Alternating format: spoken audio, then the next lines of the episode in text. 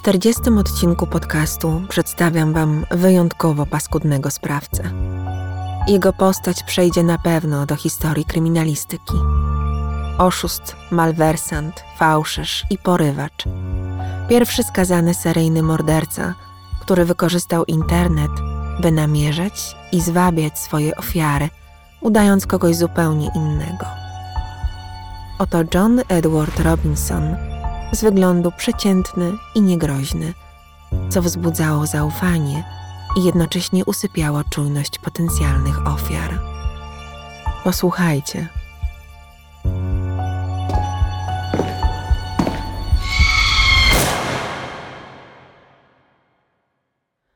Urodził się 27 grudnia 1943 roku w Cicero w stanie Illinois Miejscowość ta ma dość ciekawą przeszłość kryminalną.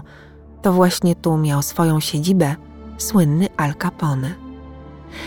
Dzieciństwo Johna, wbrew utartym schematom historii seryjnych zabójców, było przeciętne. Był trzecim z piątki dzieci Alberty i Henry'ego Robinsonów. Ojciec pracował jako operator maszyn w Western Electric. Matka zajmowała się domem i dziećmi. John dorastał w pełnej rodzinie.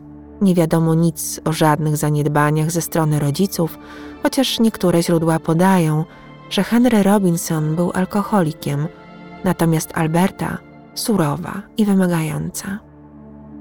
Jako trzynastoletni chłopak został skautem.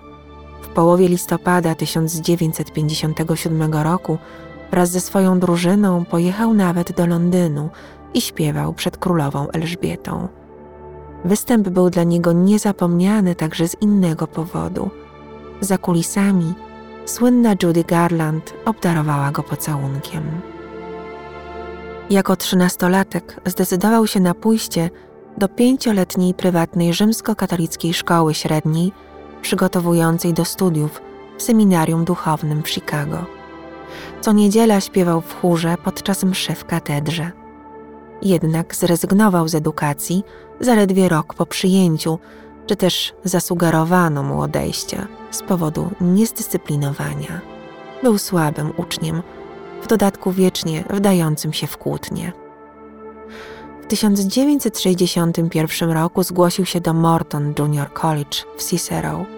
Planował zostać technikiem radiologii, jednak i ta szkoła mu nie odpowiadała. Porzucił ją po dwóch latach. 1964 roku, w wieku 21 lat, ożenił się z Nancy Joe Lynch. Po przeprowadzce do Kansas City urodził się ich pierworodny syn, John Jr. Dwa lata później, w 1967 roku, przyszła na świat córka, Kimberly. W 1971 roku doczekali się bliźniąt, Christophera i Christine. Rozrastająca się rodzina pozornie nie miała problemów, poza coraz bardziej kłopotliwym zachowaniem Johna seniora. Młody mężczyzna praktycznie nie spełniał się w roli ojca. Cały ciężar opieki nad kolejnymi dziećmi spadał na Nancy. Robinson włóczył się po barach i zdradzał żonę z wieloma kobietami. Pierwsza jego poważna praca oznaczała też pierwsze oszustwo, którego się podjął – Robinson sfałszował dokumenty, żeby dostać pracę radiologa w Children's Mercy and General Hospital. Podrobił dyplom ukończenia szkoły i listy polecające. Poprosił o nocne zmiany, bo podobno wciąż się uczył w szkole medycznej i kształcił na lekarza. Wyrzucono go, gdy okazało się, że nie ma pojęcia, na czym polega jego praca. Niczego go to nie nauczyło znów sfałszował swoje CV i został zatrudniony jako radiolog w gabinecie doktora Wallace'a Grahama Fountain Plaza X-Ray Laboratory w Kansas City. W ciągu sześciu miesięcy wyciągał systematycznie pieniądze z konta firmy. Wydawał się w romanse z pracownicami i pacjentkami. Piętnastoletniemu synowi doktora chwalił się swoim podwójnym życiem i ekscesami erotycznymi. W 1969 roku aresztowano go za defraudację 33 tysięcy dolarów. Za okradzenie swojego pracodawcy dostał 3 lata więzienia, Karę niestety wymierzono w zawieszeniu. Mówię niestety, dlatego że w ogóle go to nie odstraszyło i nie zniechęciło do łamania prawa. Wprost przeciwnie. Postanowił udoskonalić swoje kryminalne przedsięwzięcia tak, by nigdy więcej nie musiał już za nie odpowiadać przed sądem. Sprawdźmy, czy mu się to udało. W tym samym roku pogwałcił warunek i przeniósł się wraz z rodziną do Chicago bez oficjalnej zgody kuratora. Zdobył pracę jako sprzedawca ubezpieczeń w R.B. Jones Company. Jego złodziejskie skłonności ujawniły się w kolejnym roku. Znów okradł firmę, w której pracował, na ponad 5,5 tysiąca dolarów, za co odesłano go do Kansas City i przedłużono mu warunek. Nie wyciągnął wniosków, nie zmienił się. Założył fałszywą firmę doradztwa medycznego. Z jego usług korzystał nawet Uniwersytet Medyczny w Kansas. Jednak szybko wydało się, że nie jest wykształconym specjalistą. Za liczne oszustwa kolejny raz przedłużono mu warunek na następne trzy lata. Musiał też zapłacić grzywnę w wysokości 2,5 tysiąca dolarów. Wciąż nie lądował za kratami, a powinien był. Już niedługo kradzieże przestaną mu wystarczać. Jednocześnie prowadził życie niewzbudzające podejrzeń, wtapiał się w otoczenie i potrafił dobrze funkcjonować w lokalnej społeczności. Po urodzeniu bliźniąt rodzina przeniosła się do większego domu w Missouri. John został harcmistrzem, trenerem baseballu i nauczycielem w prezbiteriańskiej szkółce niedzielnej, chociaż był katolikiem. Kupił nawet dwa konie. Święta Bożego Narodzenia przebierał się za świętego Mikołaja i bawił dzieciaki z sąsiedztwa. W 1977 roku nie uwierzycie, człowieka, który od kilku lat kradł i był przyłapywany na kradzieży, powołano do zarządu miejscowej organizacji charytatywnej. Nawet tam działał po swojemu. Sfałszował korespondencję między organizacją a burmistrzem Kansas City i mianował się człowiekiem roku. Zorganizowano uroczystość na jego cześć. Byłoby to nawet zabawne, gdyby nie fakt, że to ledwie preludium do jego poważniejszych przestępstw. Obraz idealnego obywatela, sąsiada, ojca i męża zmieniał się w koszmar za progiem domu. Robinson bił żonę, głodził swojego psa i konie. Nieszczęsny przedłużany warunek wygasł w 1979 roku. Kurator sądowy był zachwycony postępami swojego podopiecznego i popierał zwolnienie go z kurateli. Geniusz zbrodni Robinsona jednak ponownie dało sobie znać. Trzy lata później odsiedział 60 dni w areszcie za podrabianie czeków na kwotę 6 tysięcy dolarów. Odnoszę wrażenie, że John nie potrafił uczciwie pracować i zarabiać na swoją rodzinę.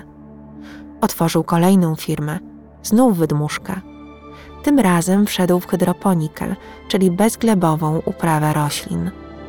Trzeba przyznać, że kombinował na wszelkie możliwe sposoby i wykorzystywał, co zapamiętajcie, wszelkie nowinki techniczne.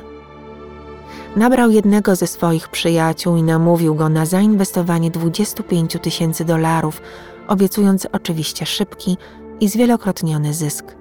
Nic takiego się nie wydarzyło.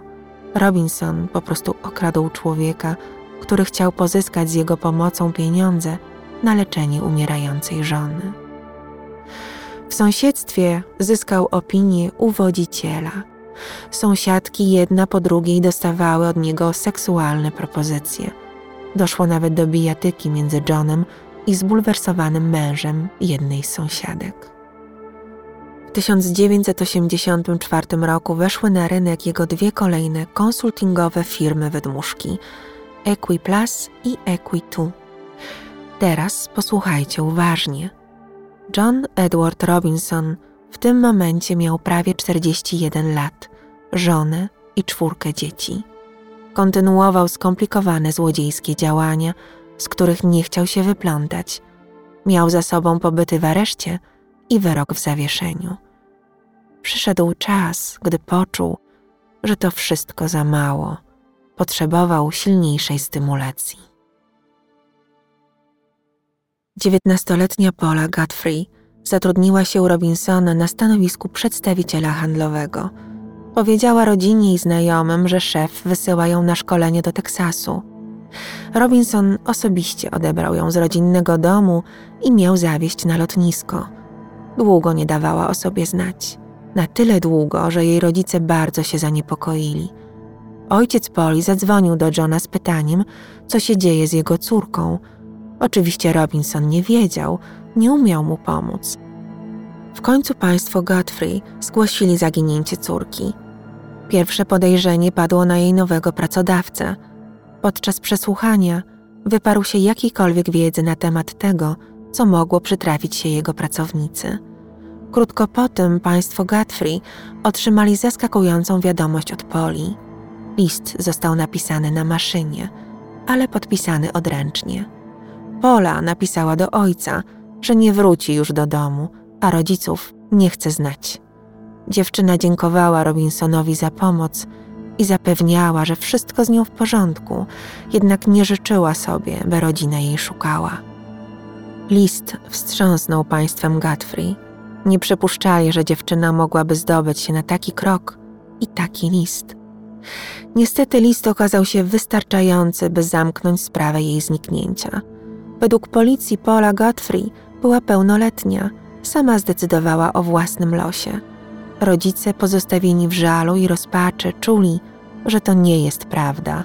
Nie porzuciłaby najbliższych w ten sposób. Dla policji ich przeczucia to było za mało, by kontynuować śledztwo. Nigdy nie odnaleziono Poli Godfrey, ani żywej, ani martwej. Latem 1984 roku Robinson wynajął nieruchomość na siedzibę swojej firmy Equitu. Zamiast działalności konsultingowej prowadził dom publiczny specjalizujący się w specyficznych usługach seksualnych dla amatorów BDSM. Był także przywódcą Międzynarodowej Rady Panów, małej, sekretnej grupy zrzeszającej sadystów seksualnych na terenie Kansas. Robinson na spotkania przyprowadzał ofiary, które bito, torturowano i gwałcono. Żadnej nie zamordowano, jednak dochodziło do okaleczeń twarzy i odcinania części ciała. W 1985 roku, podając się za Johna Osborna, Robinson poznał śliczną Lisę Stasi, matkę czteromiesięcznej Tiffany. Kobieta mieszkała w schronisku dla ofiar przemocy w rodzinie w Kansas City. Dopiero co porzuciła męża, który znęcał się nad nią i córką. I choć udało jej się wybrnąć z domowego piekła, nie miała środków do życia ani pracy. Robinson udawał pracownika socjalnego, który zaoferował jej udział we własnym programie aktywizacji zawodowej dla samotnych matek. Lisie wydawało się, że w końcu los się do niej uśmiechnął. Robinson Well Osborne przedstawił jej kuszącą wizję pracy w Chicago, niezależności finansowej, własnego mieszkania i dziennej opieki nad jej dzieckiem. Jedyne, co musiała zrobić, to, uwaga, podpisać cztery puste kartki własnym imieniem i nazwiskiem oraz podać swemu wybawcy listę najbliższych członków rodziny wraz z ich adresami. Lisa była podekscytowana, jednak nie na tyle, by ślepo zaufać komuś, kto stawia dość nietypowe warunki. Zadzwoniła do teściowej, Betty Stasi, przekazując jej, że tajemniczy oni powiedzieli, iż nie nadaje się na matkę. Podobno teściowa właśnie zażądała przekazania praw do opieki nad wnuczką. Kobiety nie zdążyły sobie wyjaśnić dramatycznej dla Lisy sytuacji, choć Betty zaprzeczyła wszystkiemu. Rozmowa została przerwana. Wystraszona Lisa rzuciła tylko: Oni już przyszli i rozłączyła się. Robinson kilka dni później zadzwonił do swojego brata i jego żony, Donalda i Helen Robinsonów, którzy od dawna starali się o adopcję dziecka. Z radością doniósł im, że ma dla nich śliczne niemowlę rasy białej, którego matka popełniła samobójstwo w pokoju hotelowym w Chicago. Musieli jedynie wnieść opłatę za czynności prawne w wysokości 5,5 tysiąca dolarów. Robinson sfałszował papiery adopcyjne, podpisane jakoby przez dwóch prawników i sędziego, i tym sposobem maleńka Tiffany trafiła do Donalda i Helen. W 2000 roku zbadano DNA wówczas już piętnastolatki i potwierdzono, że jest córką Lisy Stazji. Po jej biologicznej matce ślad zaginął. Trzeba przyznać, że tempo przestępczej działalności Robinsona było oszałamiające. Po zniknięciu Lisy zatrudnił Teresę Williams w swoim domu publicznym jako osobistą prostytutkę. Chciał ją wykorzystać do wrobienia w morderstwo swojego biznesowego partnera, również oszusta, Irwa Blatnera, który wiedział stanowczo za dużo o jego machlojkach. Wówczas do akcji wkroczyło FBI, które od jakiegoś czasu śledziło poczynania Robinsona. Przeniesiono Teresę do. Tak safe house, zanim Robinson zabrał ją na wyspy Bahama. Jak zapewne już się domyślacie, podróż w ogóle miała się nie odbyć. John planował zabić swoją kochankę. Wyobraźcie sobie, że chciał przechytrzyć agentów FBI i wynajął prywatnego detektywa do odszukania Williams. Kobietę przeniesiono w inne miejsce, ratując jej życie. Tym razem miała spotkać go kara, wznowiono bieg jego warunku oraz skazano go na 7 lat więzienia w Missouri. I nie do wiary, znów udało mu się wybrnąć, wygrał apelację. Bawił się doskonale, lawirując między światem przestępczym a życiem odnoszącego sukcesy biznesmena. Trafił nawet na okładkę magazynu Farm Journal. Redakcja nie była świadoma, że Robinson ma kryminalną przeszłość. W periodyku opublikowano artykuł na temat wspaniałych, dochodowych firm Johna i zachęcano do inwestycji w jego biznes. Dwóch rancherów dało się namówić i straciło po 10 tysięcy dolarów każdy. 27-letnia Catherine Clampett zostawiła swoje dziecko u rodziców w Wichita Falls w Teksasie i przeniosła się do Kansas City. Szukała pracy. Miała ogromnego pecha. Zatrudnił ją pan Robinson, mamiący kobietę opowieściami o wspaniałych warunkach, podróżach służbowych i eleganckich ubraniach. W czerwcu 1987 roku Katrin zniknęła na dobre. Sprawa jej zaginięcia pozostała otwarta. Kolejne sześć lat John Robinson spędził za kratami.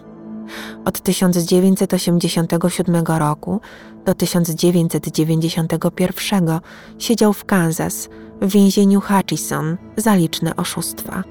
W tym czasie zmarł jego ojciec, a John przeszedł kilka udarów, które dokonały zmian neurologicznych w jego ciele. Prawa strona twarzy Robinsona została częściowo sparaliżowana. Wyglądała, jakby była, mówiąc kolokwialnie, obwisła. Kolejne dwa lata spędził w Missouri, odsiadując karę za przestępstwa finansowe. W zakładzie karnym Western Missouri poznał 49-letnią Beverly Bonner, więzienną bibliotekarkę. Tak skutecznie zawrócił jej w głowie, że kobieta porzuciła męża i dzieci w 1993 roku, gdy Robinson wyszedł na wolność. Oboje wyjechali do Kansas. Beverly poinformowała byłego męża, że Robinson ją zatrudnił i jej praca związana będzie z wieloma zagranicznymi podróżami, dlatego zażyczyła sobie, by alimenty wpłacał na skrytkę pocztową w Kansas.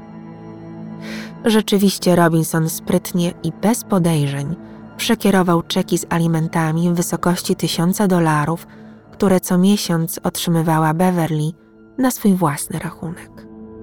Dopiero w 1997 roku Bonner przestała korespondować z bliskimi. Kontakt urwał się całkowicie. Rodzina powiadomiła policję, ale zaginął wszelki ślad po kobiecie. Bliscy nie wiedzieli, że Beverly zniknęła już dużo wcześniej, a jej rzeczy Robinson umieścił w skrytce na przedmieściach Kansas City. Pierwsza połowa lat dziewięćdziesiątych przyniosła rozwój internetu. Robinson nie zmarnował czasu podczas odsiadki, nie tylko upolował kolejną ofiarę, bibliotekarkę, ale także nauczył się korzystać z komputera. Jak później wielu innych przestępców, odkrył dość szybko zalety komunikacji w sieci. Dawała ogromne pole do popisu osobom, które chciały ukryć bądź zmienić swoją tożsamość. Ułatwiała działanie oszustom i, jak się okazało, również seryjnym mordercom. Robinson po wyjściu na wolność kupił pięć komputerów. Posługiwał się też pięcioma pseudonimami. Na forach internetowych przedstawiał się między innymi nikami Slave Master, J.R., John Robb. Szukał kobiet, które lubiły sadomasochistyczny seks, odgrywając w nim rolę podległej partnerki, niewolnicy. Jedną z pierwszych osób, które weszły z nim w relację internetową, była 45-letnia Sheila Dale Fate. Jej córka, 15-letnia Debbie, poruszała się na wózku inwalidzkim z powodu rozszczepu kręgosłupa.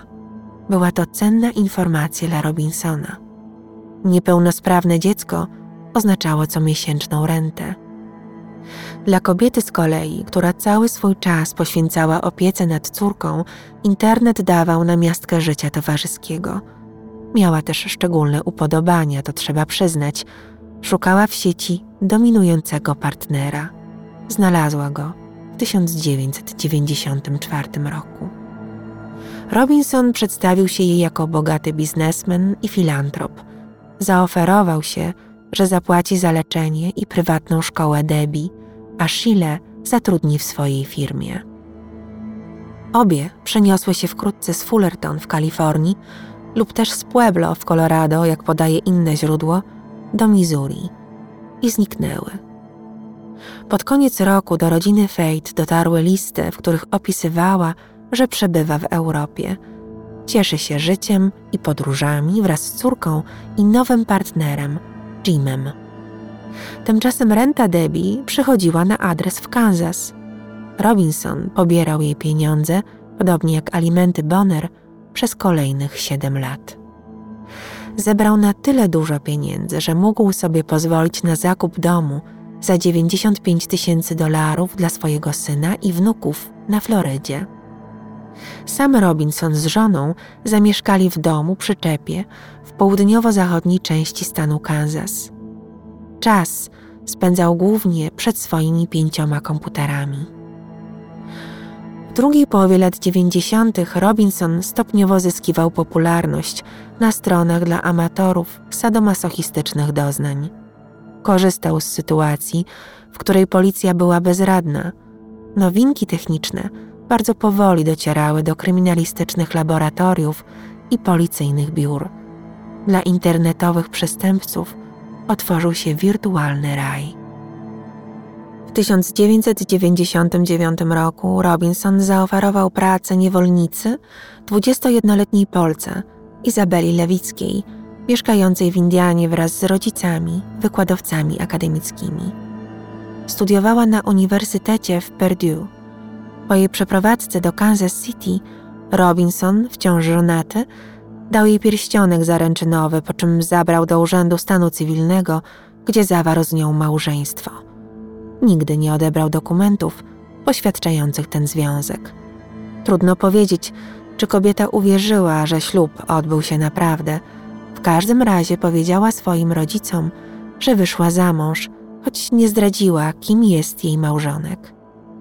Mężczyzna natomiast przedstawiał ją jako bratanicę lub żonę, w zależności od sytuacji.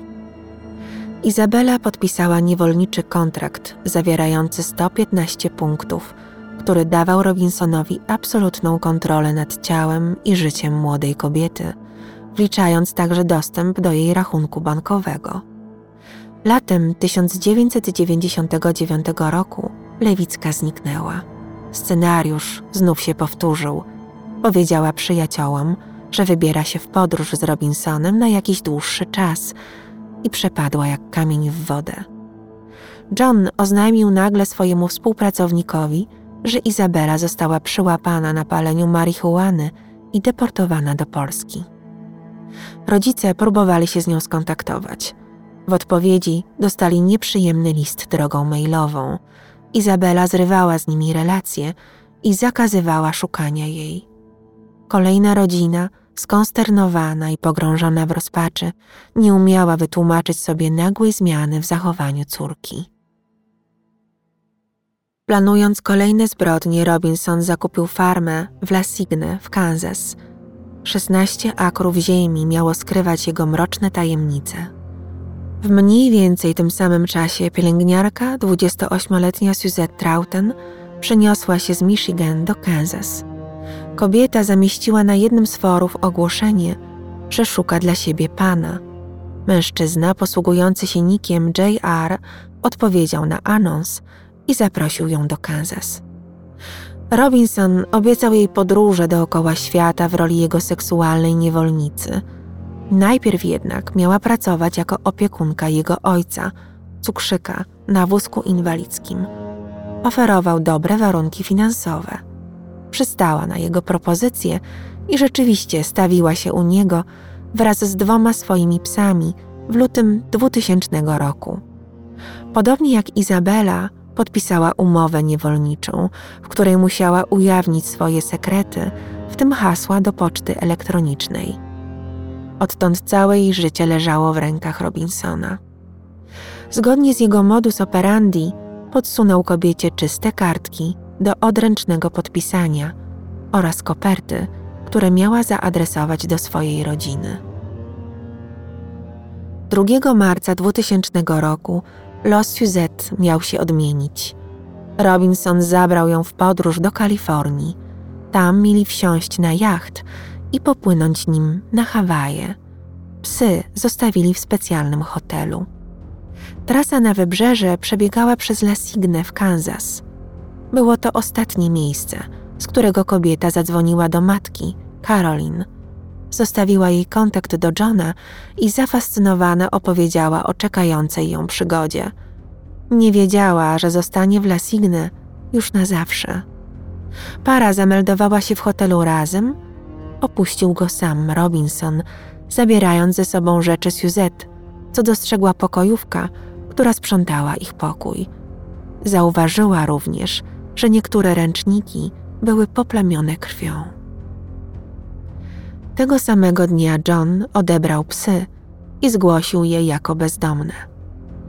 Do rąk matki Suzette dotarło kilka listów napisanych na maszynie i podpisanych przez córkę, teoretycznie wysyłanych z różnych zakątków świata, jednak dziwnym trafem wszystkie miały pieczęcie z poczty w Kansas City. Listy i e-maile wyglądały jakby napisał je ktoś inny. Przede wszystkim były bezbłędnie napisane, a Suzette miała problemy z ortografią. Ponadto osoba, która je napisała, myliła imiona psów. Gdy listy przestały przychodzić, Caroline Trauten zadzwoniła do Johna z prośbą o wyjaśnienia. Usłyszała od niego, że jej córka okradła go i uciekła z kochankiem. Nie zgłaszał tego jednak na policję i radził, by Trauten również nie szukała pomocy. Wszystko w tej historii nie układało się w logiczną całość. Suzette miała silną, wyjątkową więź z matką. Nie postąpiłaby w taki sposób.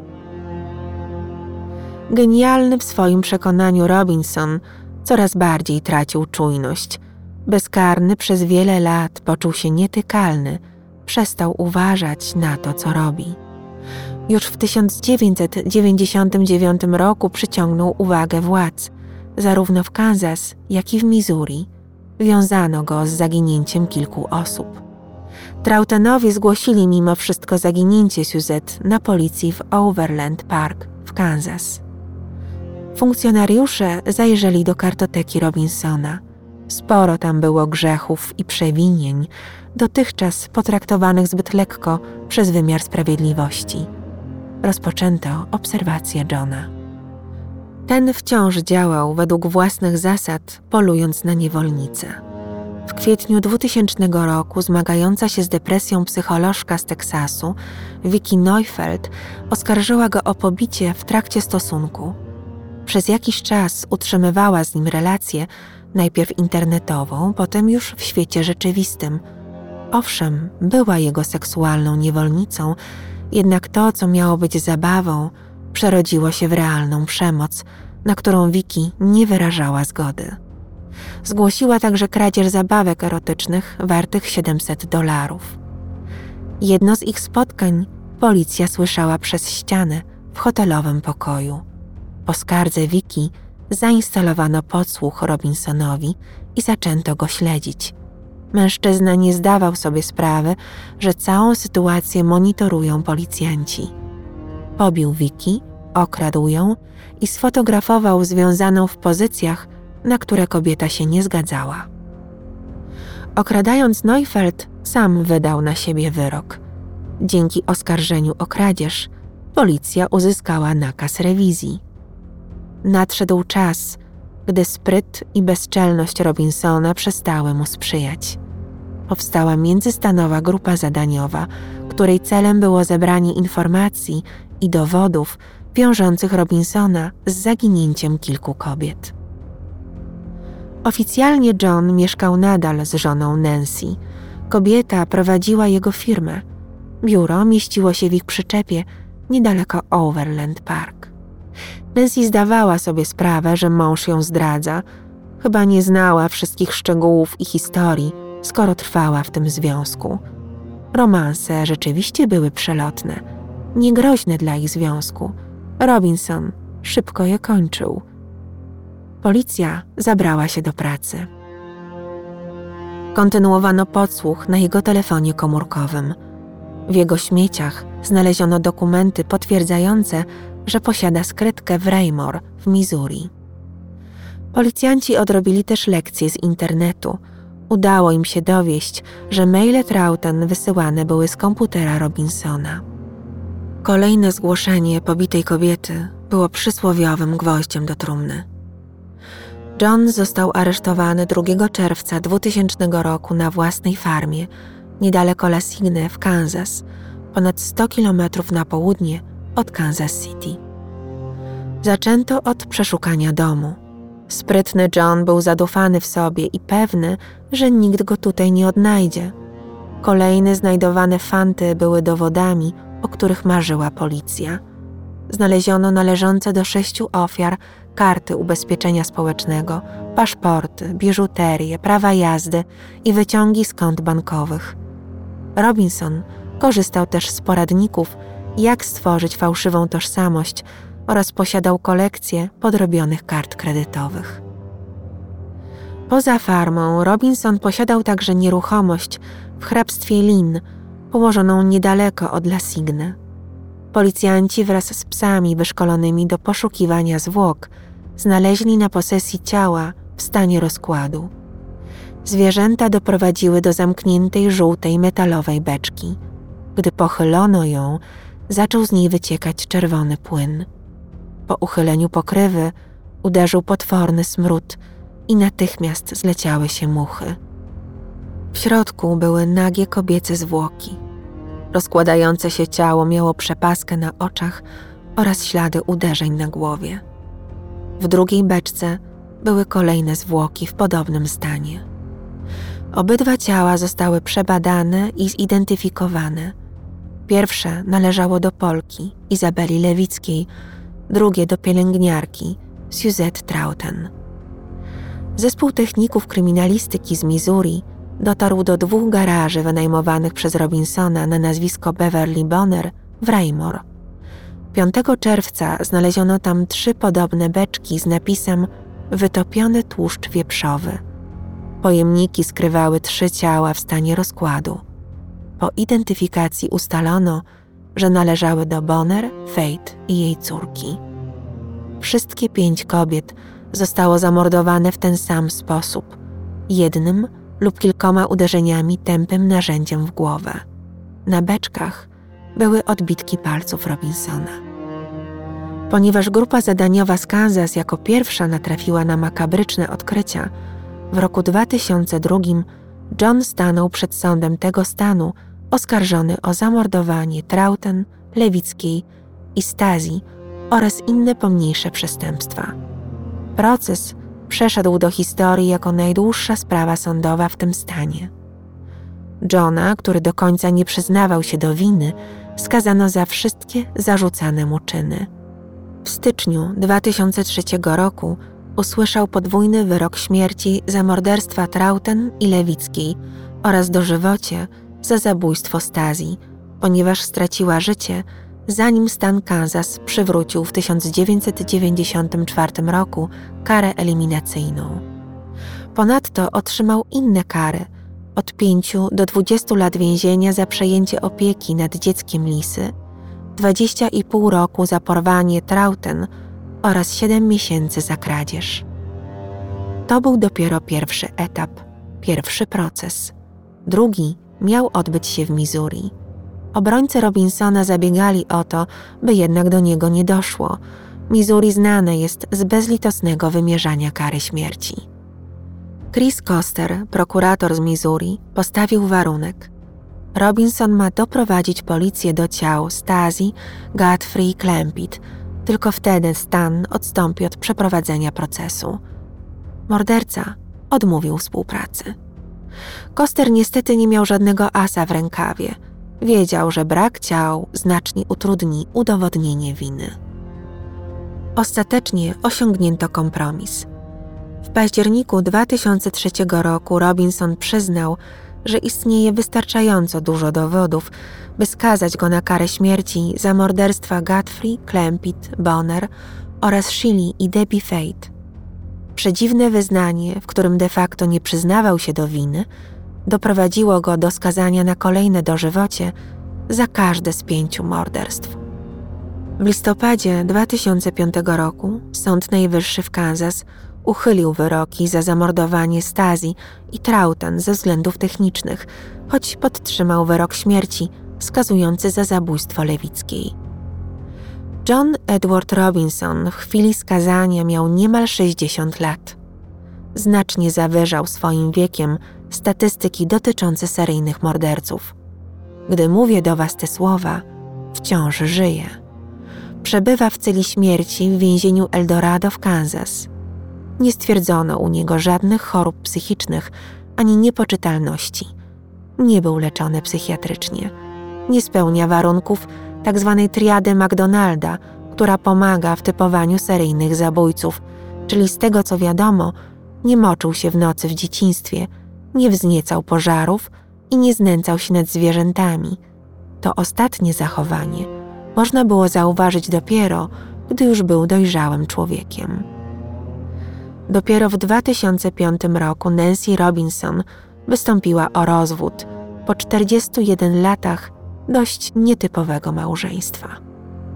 Rok później córka Stazji, urodzona jako Tiffany, adoptowana jako Heather, złożyła pozew przeciwko Truman Medical Center i pracownicy socjalnej Karen Geddes, którą oskarżyła o skontaktowanie mordercy z jej matką w 1984 roku. Kobieta uwierzyła w słowa Robinsona, zamiast sprawdzić jego tożsamość. W 2007 roku doszło do ugody między Heather i szpitalem. Uzyskaną kwotą miała podzielić się z biologiczną babcią, Patricią Sylwester. W tym samym roku, występując przeciwko Robinsonowi, uzyskała zakaz czerpania przez niego korzyści majątkowych z ich historii oraz sprzedaży praw do filmów i książek. Policja ze stanów Kansas i Missouri jest pewna, że ofiar Robinsona było znacznie więcej. Nigdy nam nie wyzna, co zrobił z tymi kobietami. To jedyna przewaga, jaką ma nad nami, powiedział jeden ze śledczych. Zapewne jest o wiele więcej beczek, które czekają na otwarcie i ciał, które trzeba zidentyfikować, dodał. Ciała dziewiętnastoletniej Poli Godfrey, dziewiętnastoletniej Lisy Stasi, 27-letniej Katrin Klempit nigdy nie zostały odnalezione. Przygotowując materiał dla Was, skorzystałam z wycinków z prasy amerykańskiej oraz opracowania na temat Robinsona, które powstało na Wydziale Psychologii Uniwersytetu w Redford.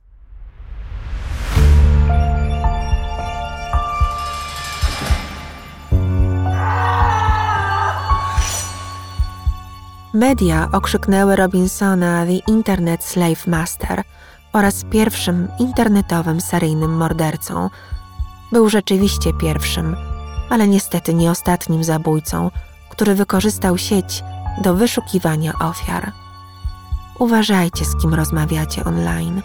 Być może to trywialne, wyświechtane ostrzeżenie, jednak po zapoznaniu się z historią co najmniej ośmiu ofiar Johna Robinsona, warto wziąć je sobie do serca. Dziękuję za Waszą uwagę i mam nadzieję refleksję po wysłuchaniu tego odcinka. Zapraszam po więcej krwawych opowieści o złych ludziach i makabrze, które jest aż nadto w otaczającym nas świecie. Renata z worka kości.